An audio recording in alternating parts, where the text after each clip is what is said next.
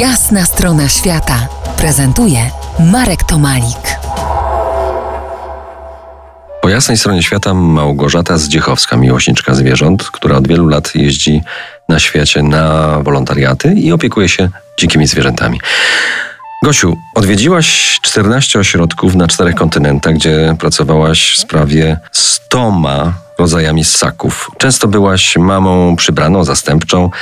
Proszę opowiedz o swoich obowiązkach na wolontariatach. Moje obowiązki na wolontariacie, zwłaszcza tu, gdzie jestem mamą zastępczą, to jest przede wszystkim opieka nad zwierzakami, e, sprzątanie ich klatek, e, przygotowywanie mleczka i karmienie ich.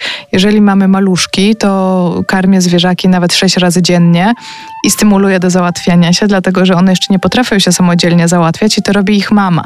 E, kiedy nie mają mamy, robi to osoba, która jest taką mamunią zastępczą. Opowiedz kiedy i czy zawsze zapada decyzja o wypuszczeniu takiego podkurowanego zwierzaczka na, na wolność? Mm, niestety nie wszystkie zwierzęta są w stanie wrócić na wolność, dlatego że one trafiają z różnych względów do tych ośrodków. I jeżeli to są sierotki, i możemy je przystosować z powrotem do życia na wolności, to one mogą wrócić na wolność. Czyli najpierw się zajmujemy nimi 24 godziny na dobę, a potem coraz mniej czasu z nimi spędzamy i potem już w ogóle nie spędzamy z nim czasu, i w końcu wypuszczamy je na wolność. Natomiast y, dużo zwierząt trafia od ludzi, a ludzie niestety krzywdzą te zwierzęta i na przykład trafiają małpy, które mają powyrywane zęby, zwierzęta są okaleczane przez człowieka.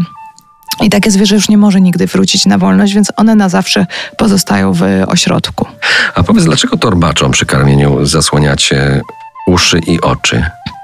Tak, właśnie torbacze są jednymi z y, chyba takich najkochańszych sierotek, ponieważ one żyją w torbie u mamy i tam jest ciemno i cichutko, to właśnie jak my, jak one też u nas, yy, kiedy my im zastępujemy mamy, mieszkają w takich torbach i kiedy bierzemy je do karmienia, no to główka musi wyjść z tej torby, więc wtedy zasłaniamy mu oczy i uszy, żeby on się czuł bezpiecznie, tak jak u mamuni w torbie.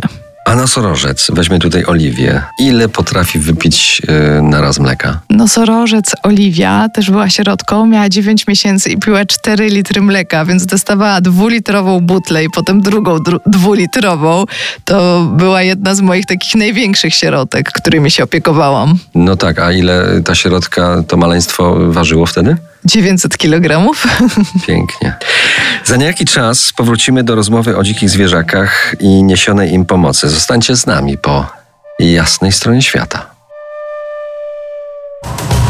To jest jasna strona świata w RMS Classic.